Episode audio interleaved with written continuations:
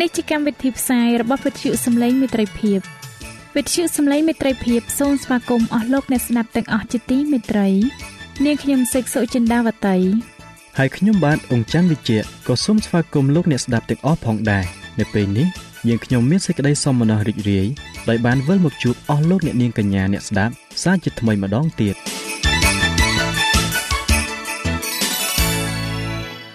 នាងខ្ញុំសេកសុចិន្តាវតី សូមជម្រាបជូនកម្មវិធីផ្សាយដែលមានជាបន្តបន្ទាប់ដូចតទៅនេតិបទទំនាយនិងប្រវត្តិសាស្ត្រនេតិស្ថាបនាកម្ពុជាឲ្យប្រសើរចា៎លោកអ្នកស្ដាប់ជាទីមេត្រី នាងខ្ញុំសូមគោរពអញ្ជើញអស់លោកលោកស្រី អ្នកនាងកញ្ញាតាមដានស្ដាប់កម្មវិធីផ្សាយរបស់វិទ្យុយើងខ្ញុំដូចតទៅ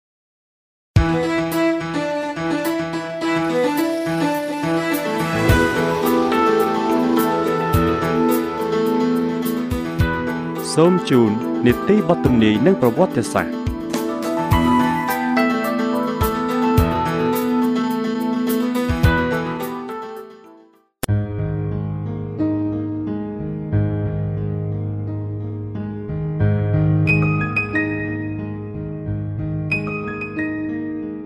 ខ្ញុំបាទសូមជម្រាបសួរដល់អស់លោកលោកស្រីនិងប្រិយមិត្តអ្នកស្ដាប់ជាសំឡេងមេត្រីភាព ជាទីមេត្រី ហើយសូមឲ្យព្រះគុណនិងសេចក្តីសុខសាន្តបានចម្រើនដល់លោកអ្នកឲ្យបានស្គាល់ព្រះនិងព្រះយេស៊ូវគ្រីស្ទតាមរយៈមេរៀននៅថ្ងៃនេះបាទនៅថ្ងៃនេះខ្ញុំបានសូមលើកយកភាគទី3ជាភាគបញ្ចប់នៃជំពូកទី12ដែលនិយាយអំពីលទ្ធិកែតម្រង់នៅប្រទេសបារាំងអរលោកអ្នកស្ដាប់ជាទីមេត្រី ដើម្បីកុំឲ្យខាតពេលវេលាខ្ញុំបាទសូមគោរពអញ្ជើញលោកអ្នកតាមដានស្ដាប់ភាគទី3ជាភាគបញ្ចប់នៃជំពូកទី12នេះដូចតទៅ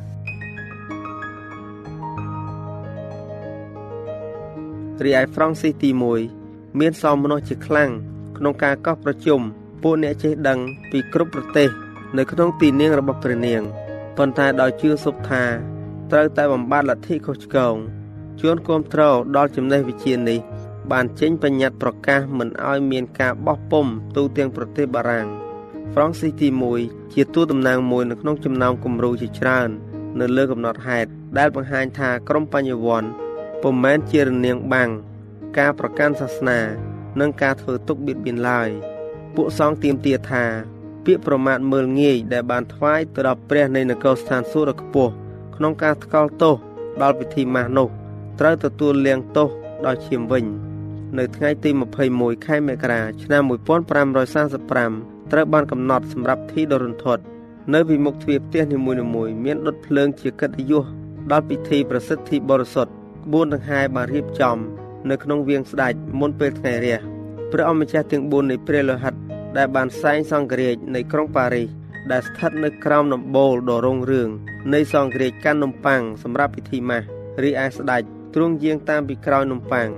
នៅថ្ងៃនោះប្រងស៊ីទី1ពុំបានពាក្យមកត់ឬឯកសន្តានរបស់រដ្ឋឡើយទ្រង់បានអោននៅក្នុងក្តីអាម៉ាស់នៅរាល់ទៀងអាសនាពុំមែនចំពោះអំពើអបាយមុខ ទាំងឡាយដែលបំផ្លាញប្រលឹងទ្រង់ឬចំពោះឈាមពួកស្លូតត្រង់ដែលប្រឡាក់ព្រះហស្ថទ្រង់ឡើយគឺចំពោះបាបកម្មដល់ស្លាប់នៃរះរបស់ទ្រង់ដែលហ៊ានថ្កោលទោសដល់ពិធីម៉ាស់វិញ នៅក្នុងទីនាងដ៏ធំ នៃវាងរបស់សង្គ្រាចព្រះមហាក្សត្របានលេចមក ហើយដោយថ្លែងវិចារក្តុកក្តួលជាខ្លាំងទ្រង់បង្ហាញសេចក្តីទុក្ខសោកចំពោះអក្រិតកម្មសេចក្តីប្រមាថវិវាទ នៃសេចក្តីសោកសង្រេង និងអពមង្គលដែលកើតដល់ប្រជាជាតិរួចទ្រង់ក៏គោរពដល់ពួកអ្នកដែលមានភក្តីភាពឲ្យជួយបំបត្តិអសន្នរោគលទ្ធិបែកឆ្វេងដែលបានគម្រាមកំហែងប្រទេសបារាំងឲ្យអន្តរាយទ្រង់បានមានបន្ទូលទាំងទឹកភ្នែកនិងអូលដើមករួចអង្គប្រជុំទាំងមូលក៏យំសោកដែរទាំងបន្លឺសម្លេងប្រុសព្រមគ្នាថា យើងនឹងរស់ព្រមទាំងស្លាប់ដើម្បីសាសនាកាតូលិក ព្រះគុណដែលនាំមកនៅសេចក្តីសង្គ្រោះបានលេចមកហើយប៉ុន្តែប្រទេសបារាំងដែលបានទទួលពន្លឺចែងចាំងហើយនោះ បានជាបែចេញរើសយកភាពងងឹតទៅវិញ គេបានហៅសេចក្តីអាក្រក់ថាជាល្អសេចក្តីល្អថាជាអាក្រក់រហូតទាល់តែបានធ្លាក់ជាជនរងគ្រោះនៃសេចក្តីបញ្ឆោតរបស់ខ្លួន ពួកគេបានបដិសេធដោយស្ម័គ្រពីចិត្តនៅពន្លឺអាត់កំបាំងមួយ នៅពន្លឺដែលអាចជួយគេពីសេចក្តីបញ្ឆោត និងពីការប្រឡាក់ឈាមទុច្ចរិតរបស់ព្រលឹងខ្លួនក្បួនដង្ហែបានរៀបចំឡើងម្ដងទៀតមិនឆ្ងាយប៉ុន្មាន គេបានឃើញវាលពិឃាតដែលសង់ឡើង ដើម្បីដុតជួនគ្រីស្ទៀនប្រូតស្តង់ពិតប្រាកដទាំងអស់គេបានរៀបចំឲ្យគំនរអុកឆេះឡើង នៅពេលដែលស្ដេចមកជិតដល់ហើយត្រូវបញ្ឈប់ក្បួនដង្ហែនៅនឹងកន្លែង ដើម្បីមើលការប្រហារជីវិត ចំពោះជួនរងគ្រោះ គេគ្មានការក្រែងញញើតឡើយនៅពេលបង្ខំឲ្យបដូរចិត្ត មានម្នាក់ឆ្លើយឡើងថា យើងជឿតែអ្វីដែលពួកហោរា និងពួកសាវកបានបង្ហាត់បង្រៀនពីមុនមកហើយនឹងអ្វីដែលពួកបរិសុទ្ធទាំងអស់បានជឿប៉ុណ្ណោះជំនឿរបស់យើងមានទំនុកចិត្តចំពោះព្រះ ដែលនឹងឈ្នះលើអស់ទាំងអំណាចរបស់ស្ថាននរកនៅពេលទៅដល់វៀងវិញពួកមនុស្សបានបែកខ្ញែកគ្នា ហើយស្ដេចនិងពួកសង្ឃជួនខ្ពស់បានថយទៅដំណាក់រៀងរៀងខ្លួន ទាំងអបអសាទរដល់ខ្លួន ដែលកិច្ចការនេះនឹងបន្តទៅដរាបដល់លទ្ធិខុសឆ្គងត្រូវបានរលាយសាបសូន្យអស់ទាំងស្រុងតែម្ដងដំណឹងល្អនៃសុខសន្តិភាព ដែលប្រទេសបារាំងបានបដិសេធគឺប្រកាសជានឹងត្រូវគេដកទាំងរឹសតែម្ដង ហើយលទ្ធិដ៏រន្ធត់នឹងកើតមានឡើង នៅថ្ងៃទី21ខែមករាឆ្នាំ1793ក្បួនដង្ហែមួយទៀតបានធ្វើឡើងតាមផ្លូវនៃទីក្រុងប៉ារីស ស្ដេចបានធ្វើជាមេខ្លោងម្ដងទៀតចលាចលនិងការស្រែករអូបានកើតឡើងម្ដងទៀតមានលឺសម្រែកស្រែករកជួនរងគ្រោះថែមទៀតមានរៀនពិឃាតដ៏ខ្មៅងឹតម្ដងទៀតហើយទស្សនវិជ្ជានៅថ្ងៃនោះត្រូវបានបិទវគ្គទៅដោយការប្រហារជីវិតដ៏គួរឲ្យរន្ធត់ម្ដងទៀតរីឯស្ដេចលូវីសទី16ខំប្រឹងត្រដរពីឆ្មាំគុកនិងពីចឃាតក្នុងពេលដែលគេកំពុងតែអស់នាំទៅកាន់ដុំឈើ ហើយសង្កត់ចុះជាប់ដោយកម្លាំងមមរហូតដល់ផ្លែពូថៅធ្លាក់ចុះមកផ្ដាច់ព្រះកេសទ្រង់រមៀលធ្លាក់ទៅលើរានពិឃាតនៅចិត្តកន្លែងនោះដែរមានមនុស្សចំនួន2800នាក់ត្រូវបានពិឃាតដោយយន្តកាត់កពួកកែតម្រង់បានបង្ហាញដល់ពិភពលោក នៅព្រះគម្ពីរដ៏បើកចំហមួយសេចក្តីស្រឡាញ់ដ៏គ្មានព្រំដែនបានបើកឡើងបង្ហាញដល់មនុស្សនៅគោលការណ៍នៃនគរស្ថានសួគ៌ នៅពេលដែលប្រទេសបារាំងបានបដិសេធអំណោយទាននៃនគរស្ថានសួគ៌គឺខ្លួនបានសាបព្រោះសេចក្តីមហន្តរាយហើយលទ្ធិជាស្ដែង ដែលពុំអាចជៀសវាងបាន អំពីហេតុនិងផល គឺបដិវត្តនិងរជ្ជកាលនៃក្តីរន្ធត់លោកហ្វារ៉ែលដ៏ក្លាហានមោះមុតត្រូវបានគេបង្ខំឲ្យភៀសចេញពីស្រុកកំណើតរបស់ខ្លួន ទៅកាន់ប្រទេសស្វីសគាត់នៅតែបន្តបញ្ចេញឥទ្ធិពលទៅលើកំណែតម្រង់នៅប្រទេសបារាំងទៀត ដោយមានជំនួយអំពីជននេរទេសដទៃទៀតសំណេររបស់អ្នកកែតម្រង់អាល្លឺម៉ង់នេះត្រូវបានបកប្រែទៅជាភាសាបារាំងហើយត្រូវបានបោះពុំរួមគ្នាជាគម្ពីរភាសាបារាំងបានច្រើនក្បាលទៀតផង ហើយពួកអ្នកដើរលក់សភៅបានយកទៅលក់បានយ៉ាងសន្ធឹកសន្ធាប់នៅក្នុងប្រទេសបារាំងលោក Farrell ចូលធ្វើការនៅប្រទេសស្វីស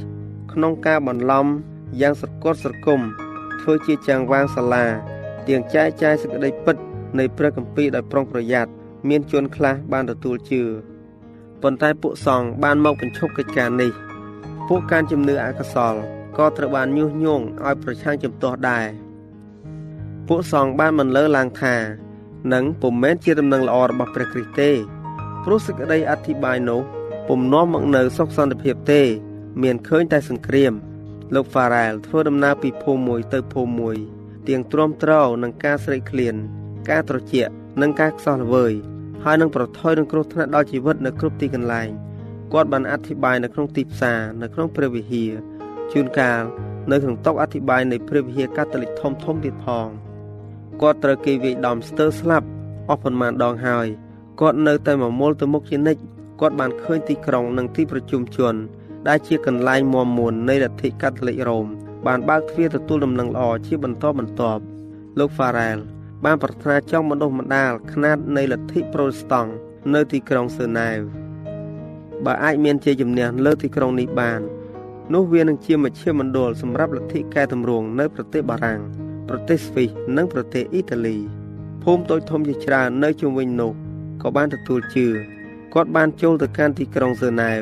តែម្នាក់ឯងគាត់ហើយត្រូវបានអនុញ្ញាតឲ្យអធិប្បាយតែពីលើកប៉ុណ្ណោះ ពួកសង្ឃបានកោះហៅគាត់ឲ្យបង្ហាញខ្លួន នៅចំពោះក្រុមប្រឹក្សាសាសនា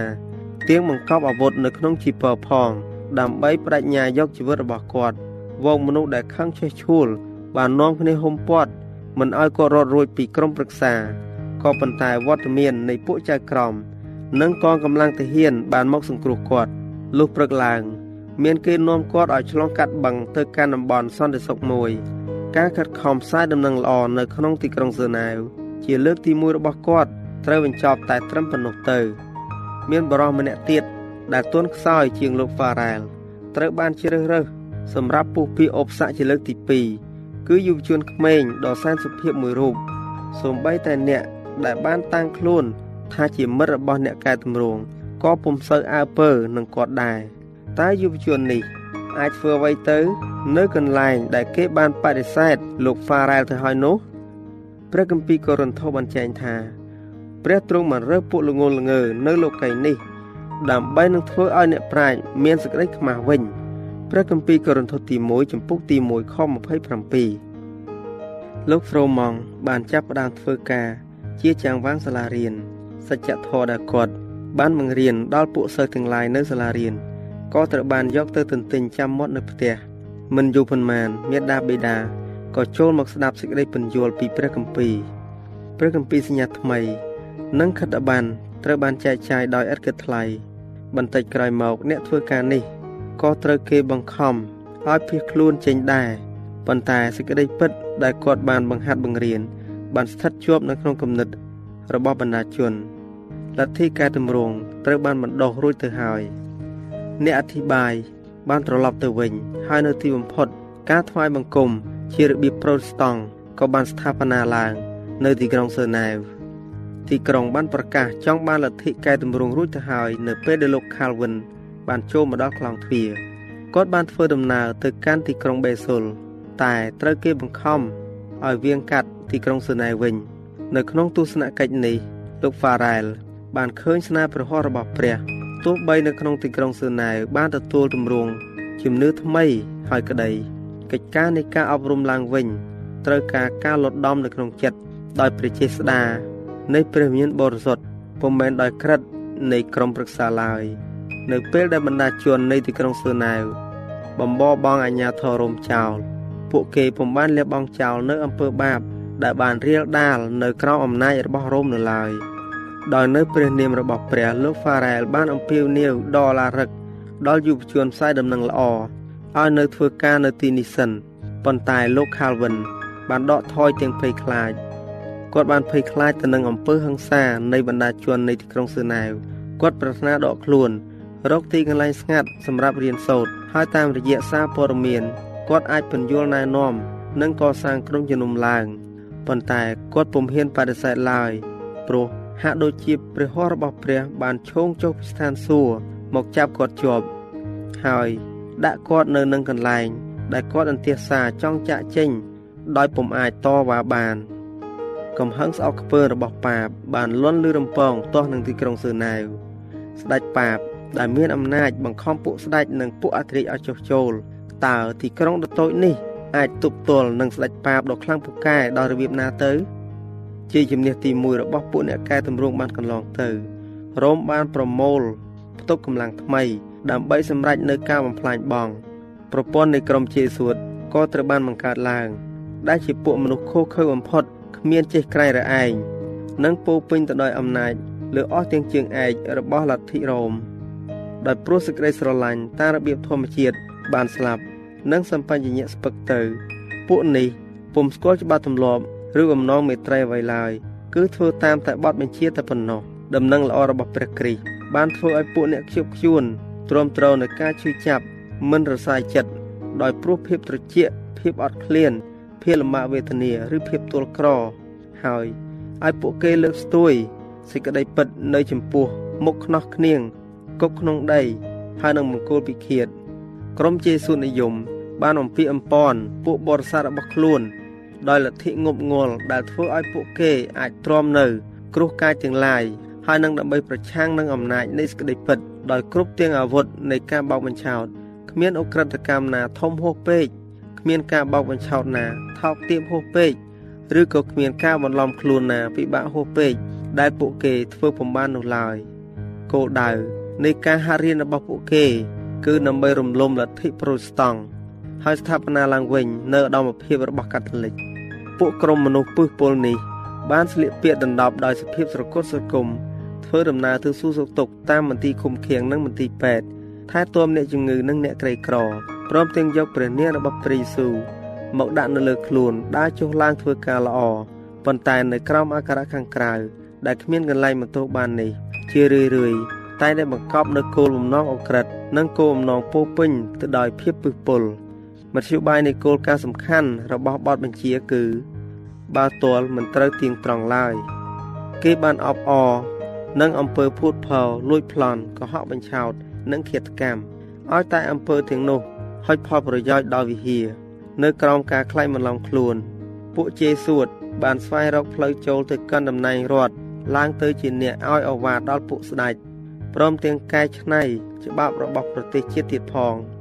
ពួកគេបានធ្វើជាអ្នកបម្រើ ដើម្បីតាមដានជាវាយរបស់ខ្លួន ពួកគេបានស្ថាបនាវិទ្យាល័យ សម្រាប់ពួកព្រះអម្ចាស់និងពួកខ្ពងខ្ពស់ហើយនឹងសាលារៀនសម្រាប់ជនសាមញ្ញកូនក្មេងដែលមានមេដាបេដាជាពួកប្រូតស្តង់ត្រូវបានទាក់ទាញឲ្យទៅគោរពគ្រប់សាសនពិធីរបស់ប៉ាបម្ល៉េះហើយសេរីភាពដែលបិទបាំងទាំងឡាយបានទទួលដោយការបង្ហូរឈាមត្រូវបានក្បត់ដោយកូនរបស់ខ្លួនវិញ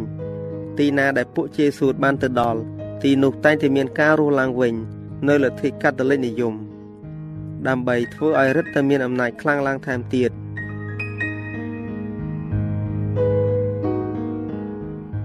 ចា៎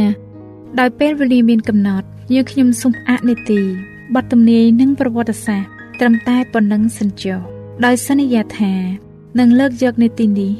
មកជម្រាបជូនជាបន្តទៀតនៅថ្ងៃអង្គារសប្តាហ៍ក្រោយ សូមអរគុណ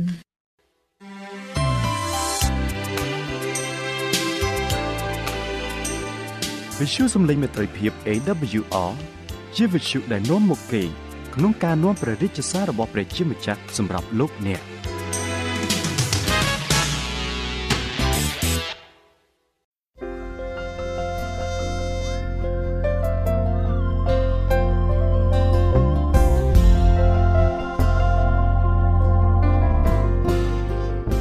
ចាសសូមជម្រាបសួរអស់លោកលោកស្រីប្រិយមិត្តអ្នកស្ដាប់វិទ្យុសំឡេងមេត្រីភាពជាទីមេត្រីនាងខ្ញុំសីសុចិនាវតីមានសេចក្តីសំណើរីករាយណាស់ដែលបានវិលមកជួបលោកអ្នកសាជាថ្មីម្ដងទៀតតាមពេលដែលបានសន្យានៅក្នុងកម្មវិធីស្ថាបនាកម្ពុជាឲ្យប្រសើរកាលពីមេរៀនទី6លោកអ្នកបានស្ដាប់អំពីការផ្សះផ្សាគ្នាមេរៀននេះបាននាំមកនៅរឿងជាច្រើនដែលបានផ្ដល់នូវការលើកទឹកចិត្ត និងការចេះគិតគូរឲ្យបានត្រឹមត្រូវមុននឹងធ្វើការសម្រេចចិត្តធ្វើអ្វីមួយចា៎ហើយនៅថ្ងៃនេះដែរនាងខ្ញុំសូមលើកយកមេរៀនទី7ជាមេរៀនចុងក្រោយនៅក្នុងកម្មវិធីរបស់យើងខ្ញុំមេរៀននេះមានចំណងជើងថាអភូតហេតុនៅទន្លេខ្វាយប្រិយមិត្តអ្នកស្ដាប់ជាទីមេត្រីតើទន្លេខ្វាយស្ថិតនៅឯណាអ្នកខ្លះតែងហៅទន្លេខ្វាយនេះថាទន្លេខ្វាយណយឬទន្លេខ្វាយសាយយុគ គឺជាទន្លេដែលស្ថិតនៅភាគខាងលិចនៃប្រទេសថៃនៅជិតតាមបណ្ដោយព្រំដែនថៃភូមាឬមីយ៉ាន់ម៉ាប៉ុន្តែមិនហូរឆ្លងកាត់ព្រំដែនទៅកាន់ប្រទេសមីយ៉ាន់ម៉ាទេ ទន្លេខ្វាយនេះវាចាប់ផ្ដើមជួបគ្នានៅចំណុចប្រសពនៃទន្លេខ្វាយយ៉ៃទន្លេមេខ្លុងនៅខេត្តកញ្ជនបុរីរួចវាហូរបញ្ចេញជាមួយនឹងទន្លេមេខ្លុងរួចចាក់ចូលទៅក្នុងឈឹងសមុទ្ររបស់ប្រទេសថៃត្រង់សមុទ្រសង្គ្រាម ទន្លេខ្វាយនេះជាទន្លេប្រវត្តិសាស្ត្រមួយនៃប្រទេសថៃ នៅលើទន្លេនេះមានស្ពានពីរបានសង់ឆ្លងកាត់ស្របគ្នា ស្ពានទាំងនេះត្រូវបានសង់ឡើងដោយពួកអ្នកទោសឆ្លើយសង្គ្រាមអូស្ត្រាលី ហូឡង់និងអង់គ្លេសដែលត្រូវបានបង្ខំដោយជនជាតិជប៉ុនកំឡុងសង្គ្រាមលោកលើកទី2ឲ្យសាងសង់ស្ពានស្របគ្នាពីរឆ្លងកាត់ទន្លេនេះដែលជាផ្នែកមួយនៃផ្លូវរថភ្លើងទៅកាន់ប្រទេសមីយ៉ាន់ម៉ាឬភូមា គេតែងហៅផ្លូវរថភ្លើងនេះថាជាផ្លូវរថភ្លើងមរណៈត្បិតមានអ្នកទោសជាច្រើនអ្នកត្រូវបានបាត់បង់ជីវិតនៅក្នុងការសាងសង់នេះស្ពានមួយគឺធ្វើពីឈើបណ្ដោះអាសន្នស្ពានមួយទៀតគឺត្រូវបានធ្វើអំពីបេតុងនិងដែកថែបហើយនៅតែមានរហូតដល់សប្តាហ៍ថ្ងៃនេះលោកអ្នកស្ដាប់ជាទីមេត្រីមេរៀននេះនឹងផ្ដល់ចំណេះដឹងផ្នែកប្រវត្តិសាស្ត្រនិងមេរៀនសម្រាប់ការអប់រំផ្លូវចិត្តផងដែរ តើលោកអ្នកដឹងទេថា សង្គ្រាមបណ្ដាលមកពីអ្វីសង្គ្រាមងាយនឹងចាប់ផ្ដើមតែពិបាកបញ្ចប់សង្គ្រាមកើតពីភាពអាត្មានិយមសំអប់និងការលោភលន់ជាអំណាចដែលនាំទៅរកសេចក្តីស្លាប់ សេចក្តីទុក្ខលំបាកវេទនាដ៏ធំបំផុតនៅលើโลกនេះគឺបណ្ដាលមកពីចិត្តអមនុស្សធម៌ទៅលើមនុស្សដូចគ្នាសូមលោកអ្នកស្ដាប់ពីភាពកាចសាហាវនៃចម្បាំងក្នុងសម័យសង្គ្រាមលោកលើកទី2 ពួកជប៉ុនបានបង្កប់ឲ្យឆ្លើយសឹកអង់គ្លេសនិងអាស៊ីប៉ែកអាគ្នេយ៍រាប់ពាន់នាក់សង់ផ្លូវតាមបណ្ដោយទន្លេខ្វៃឆ្លងកាត់ប្រទេសថៃ រហូតដល់មីយ៉ាន់ម៉ាឬភូមាពួកទាហានទាំងនោះបានបង្ខំឲ្យឆ្លើយធ្វើការហួសកម្លាំងវាយធ្វើបាបព្រមទាំងបង្អត់អាហារផងមនុស្សជាច្រើនស្លាប់ដោយជំងឺអាសន្នរោគរាគមូល និងជំងឺគ្រុនចាញ់បរោះដែលពីមុនជាទីស្រឡាញ់ជាប្តី ជាឪពុកត្រូវបានចោលទៅក្នុងរណ្ដៅទុកសណ្ដាងទាំងឡាយផ្ទុកដោយសាកសពមនុស្សស្លាប់ដឹកបណ្ដែតចុះតាមទន្លេពួកអ្នកជាប់គុកទាំងនោះបានជាប្រតិចដល់ពួកជប៉ុន បានជាប្រតិចដល់ពួកអ្នកជាប់គុកដូចគ្នា ហើយបានជេរប្រតិចដល់ខ្លួនឯងនិងដល់ព្រះផងគេរស់ដូចសត្វព្រៃទាំងវេគ្នាដណ្ដើមយកចំណីអាហារនិងរបស់របរគេចូលប្លន់គ្នាជាការធម្មតា អ្នកជាប់គុកម្នាក់ក្រោកឡើងពីដំណេកទើបដឹងថាអ្នកទោសចិត្តខាង បានលួចយកសម្ភាររបស់ខ្លួនពីក្រោមក្បាលកោយការខ្លួនកំពុងដេកលក់នៅក្នុងកាបូបនោះ មានរូបថតគូដណ្ដឹងរបស់គាត់ និងសិភើកំណត់ផ្ទាល់ខ្លួន ដែលជារបស់ដ៏មានតម្លៃដែលគេបានខំរក្សាទុកអស់រយៈពេលជាច្រើនខែការដែលយ៉ាប់យ៉ឺនជាងនេះបំផុតនោះគឺ អ្នកដែលចិត្តស្លាប់ស្រែកដង្ហើយរកសេចក្តីជំនួយ ប៉ុន្តែគ្មាននរណាម្នាក់ខ្វល់ខ្វាយដល់គេឡើយតែផ្ទុយទៅវិញ គេលួចរបស់របរពីសពកាលណាមាននរណាម្នាក់ស្លាប់ភ្លាមប្រិយមិត្តអ្នកស្ដាប់ជាទីមេត្រីច្បាប់ព្រៃផ្សៃនោះមិនមែនជាច្បាប់សម្រាប់មនុស្សទេព្រោះវាបានបំបត្តិភាពជាមនុស្សរបស់យើង ហើយបន្ទាបយើងឲ្យទៀបជាងសត្វធាតទៅទៀតសូមលោកអ្នកតាមដានស្ដាប់ពីនរកលោកីវិញម្ដង ដើម្បីសាងសង់ផ្លូវរថភ្លើងប្រវែង400គីឡូម៉ែត្រកាត់ពីស្រុកថៃ ទៅកាន់ប្រទេសមីយ៉ាន់ម៉ាគឺសង់តាមធម្មតាត្រូវចំណាយពេលអស់5ឆ្នាំ តែក្រោមការបង្ខិតបង្ខំឲ្យពួកអ្នកទោសធ្វើការជាទម្ងន់ផ្លូវដែកនោះត្រូវបានសង់រួចក្នុងរយៈពេលតែ1ឆ្នាំប៉ុណ្ណោះក្នុងរាល់ចម្ងាយផ្លូវដែក1ម៉ាលឆ្លើយសព64នាក់និងពួកអាស៊ីប៉ែកអាគ្នេយ៍240នាក់ត្រូវស្លាប់ សម្បីតែរដ្ឋាភិបាលជប៉ុនក៏រន្ធត់ចិត្តដែរនៅពេលដែលឮពីដំណឹងសភាពការអាក្រក់នៃការរស់នៅនិងស្លាប់នោះនៅឯជំរំដាក់ឆ្លើយសឹកឈ្មោះចុងកៃចិត្តទន្លេខ្វៃនោះមានអនុស្នេហ៍ឯកម្នាក់ឈ្មោះ Gordon ដែលកំពុងដេកនៅក្នុងពេទ្យកន្លែងនោះទំនាបជាងគេបង្អស់នៅក្នុងជំរំបានជាវាពេញទៅដោយផុកនៅពេលដែលមានភ្លៀងធ្លាក់មកម្ដងម្ដងមានក្លិនស្អុយអាសោចខ្លាំងណាស់ គឺជាក្លិនដំបៅដែលស៊ីសាច់និងឆ្អឹងក្លិនបង្គន់ដែលហូរហៀចេញមក និងក្លិនមនុស្សដែលស្អុយរលួយដោយសារមានរោគខាន់ស្លាក់លោក Gordon មិនអាចទទួលទានអាហារផឹកទឹកឈរឬដើរបានឡើយជើងរបស់គាត់ត្រូវស្ពឹកអស់លោក Gordon បានលើមនុស្សពីរនាក់និយាយគ្នាម្នាក់និយាយថាឯងដឹងទេខ្ញុំមិនមានជំនឿពីឋាននរកទេ ការនេះគឺជាជំនឿឆ្វេង ដែលមានរំលងត្រួតត្រាមនុស្សតាមរយៈការបំផិតបំភ័យគឺជាការพูดកុហកដ៏ល្ងីល្ងើជាទីបំផុតម្នាក់ទៀតពោលឡើងថាឯងចំជាល្ងងមែនយើងទាំងអស់គ្នាបានស្លាប់ហើយ យើងបានទៅឯឋាននរកហើយនេះហើយជាឋាននរកបើឯងមិនជឿខ្ញុំទេចូលក្រឡេកមើលជុំវិញខ្លួនឯងទៅប្រិយមិត្តអ្នកស្ដាប់ជាទីមេត្រីជីវិតយើងត្រឡប់ទៅដូចជាឋាននរក ពេលណាដែលមនុស្សគ្មានរវល់នឹងគ្នាទៅវិញទៅមក ហើយឋាននរកដ៏អាសោចអាចក្លាយទៅជាស្ថានសួគ៌ពេលណាដែលមនុស្សចាប់ដើមជួយគ្នាទៅវិញទៅមកលោកវិជ្ជបណ្ឌិតប្រចាំជំរំនោះបានវិភាសាអំពីលោក Gordon ម្នាក់និយាយឡើងថាគាត់មានរោគសពមុខទាំងអស់រោគគ្រុនចាញ់រោគរាកមូលរោគស្ពឹក និងរោគខាន់ស្លាក់ផងជីពចររបស់គាត់ខ្សោយណាស់ហើយម្នាក់ទៀតបានឆ្លើយឡើងថា មានតែការមួយដែលយើងអាចធ្វើបាន គឺទុកឲ្យគាត់ស្លាប់ចុះរួចគេបានសែងគាត់ទៅផ្ទះខ្មោចមិត្តរបស់លោក Garden បានមកជួយសង្គ្រោះគាត់ពីផ្ទះខ្មោចនោះ គេបានសែងគាត់ដាក់លើក្រែស្នែងទាំងនិយាយថា យើងបានរៀបចំជំរកមួយសម្រាប់អ្នកនៅលើកំពូលភ្នំឯណោះនេះហើយគឺជាយានជំនិះព្រៃភ្នំក៏ប៉ុន្តែចូលកុំឲ្យនឹកស្រមៃថា អ្នកជាមហាក្សត្រនៃប្រទេសថៃអីសោះកាលណាអ្នកបានក្រនបាល់នោះយើងនឹងឲ្យអ្នកសែងយើងវិញម្ដងហើយអ្នកទាំងនោះក៏បង្ខំចិត្តឲ្យបានសើចរីករាយឡើងលំនៅថ្មីរបស់ Garden មានក្លិនស្រស់ល្អចេញពីឫស្សីនិងស្លឹកដែលកាប់ថ្មីថ្មីឯក្តារក៏ត្រូវបានបោសសម្អាតល្អកន្លែងដេករបស់គាត់ធ្វើអំពីរនាបឫស្សីក្រាលដោយបាល់ស្រូវពីរដ៏ស្អាតពួកគេនិយាយចំអកលេងថា កន្លែងនេះជារមណីយដ្ឋានមែនមែនបន្តិចទៀតមនុស្សគ្រប់គ្នានឹងមកទីនេះដើម្បីមើលពីដំណើររស់នៅនៃអ្នកមូលធនកន្ធាត់នេះហើយគេនិយាយបណ្ដាហើយលើកដងខ្លួនដ៏ស្គមកំប្រឹងរបស់លោក Gordon ដាក់យ៉ាងថ្នមថ្នមទៅលើក្រែដ៏ស្អាតនោះបរិះទាំងនោះបានមកសង់ផ្ទះសំណាក់តូចនោះ នៅពេលយប់បន្ទាប់ពីធ្វើការយ៉ាងយូរនៅលើផ្លូវរទេះភ្លើង Gordon ចង់ថ្លែងអំណរគុណដល់គេដែរតែហានិយាយមិនរួចភ្នែករបស់គាត់រលីងរលោងពួកគេនិយាយថា មិនអីទេសម្លាញ់ឯងប្រហែលគិតថា នៅទីនេះល្អជាងផ្ទះខ្មោចដែលស្អុយក៏គ្រប់នោះហើយប្រិយមិត្តអ្នកស្ដាប់ជាទីមេត្រីសេចក្តីស្រឡាញ់ការលះបង់និងសេចក្តីសប្បុរសគឺជាផ្លូវទៅកាន់ជីវិត